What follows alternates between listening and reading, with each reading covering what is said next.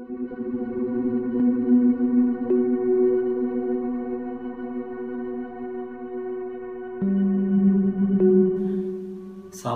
Bapak Ibu, Saudara yang kasih dalam nama Yesus Kristus. Jumpa lagi pada Pastor Mesit hari ini. Bapak Ibu, Saudara yang kasih dalam nama Yesus Kristus. Setiap manusia pasti punya persoalan. Tidak ada manusia yang di dunia ini nggak mempunyai persoalan atau tantangan dalam kehidupannya.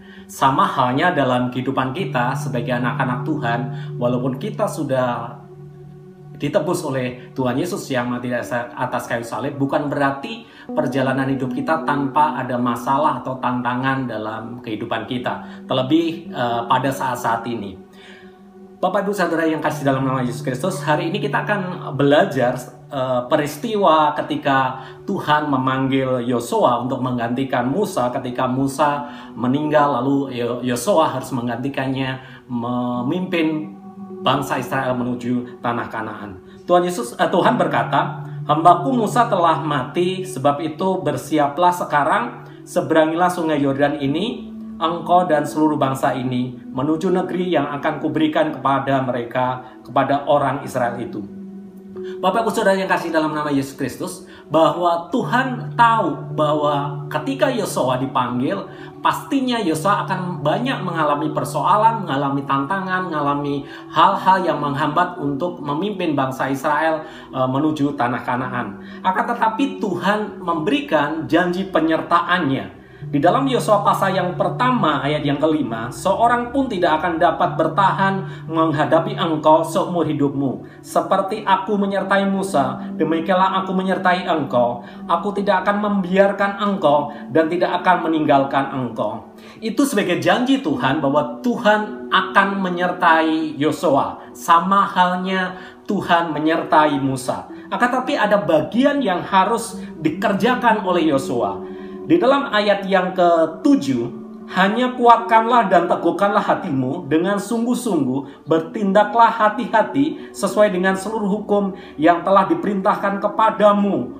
oleh hambaku Musa. Janganlah menyimpang ke kanan atau ke kiri supaya engkau beruntung ke mana pun engkau pergi. Ada dua hal yang harus di, dikerjakan oleh Yosua ketika mendapatkan penyertaan Tuhan. Yang pertama, dia harus menguatkan dan meneguhkan hatinya, menguatkan dan meneguhkan janji-janji Tuhan, menguatkan dan meneguhkan bahwa Tuhan pasti menyertai sama seperti yang Tuhan lakukan dalam penyertaannya terhadap Musa. Yang kedua adalah bertindak hati-hati sesuai dengan apa yang sudah diperintahkan Tuhan kepada Musa itu juga harus dikerjakan. Otomatis ber, berlaku, bertindak hati-hati sesuai dengan firman Tuhan. Bapak Ibu Saudara yang kasih dalam nama Yesus Kristus, hal itu sebetulnya juga berlaku dalam kehidupan kita. Saat-saat ini kita mungkin mengalami banyak hal, mengalami tantangan, hambatan dalam kehidupan kita. Banyak hal yang harus kita hadapi. Akan tetapi tapi yakinlah bahwa Tuhan menyertai kita. Tuhan memimpin kita sama halnya ketika Tuhan menyertai Yosua, menyertai Musa dan hamba-hamba Tuhan lainnya dalam Alkitab. Bapak Ibu Saudara, mereka itu kita ketika kita menghadapi segala persoalan, menghadapi segala tantangan, biarlah kita tetap pegang teguh yang namanya janji Tuhan akan penyertaannya.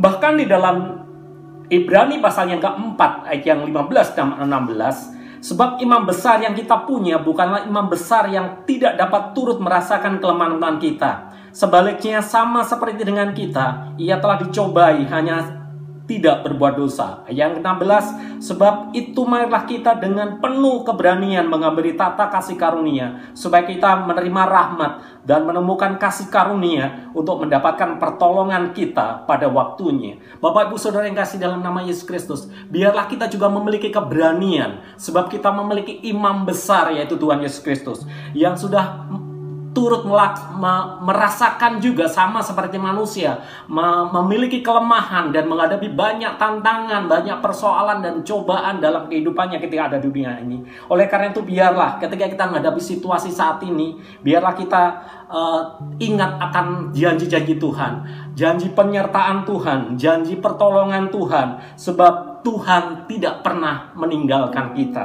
Biarlah ini kita pegang dan biarlah kita menjadi kuat ketika kita menghadapi segala tantangan kehidupan saat ini. Tuhan Yesus memberkati.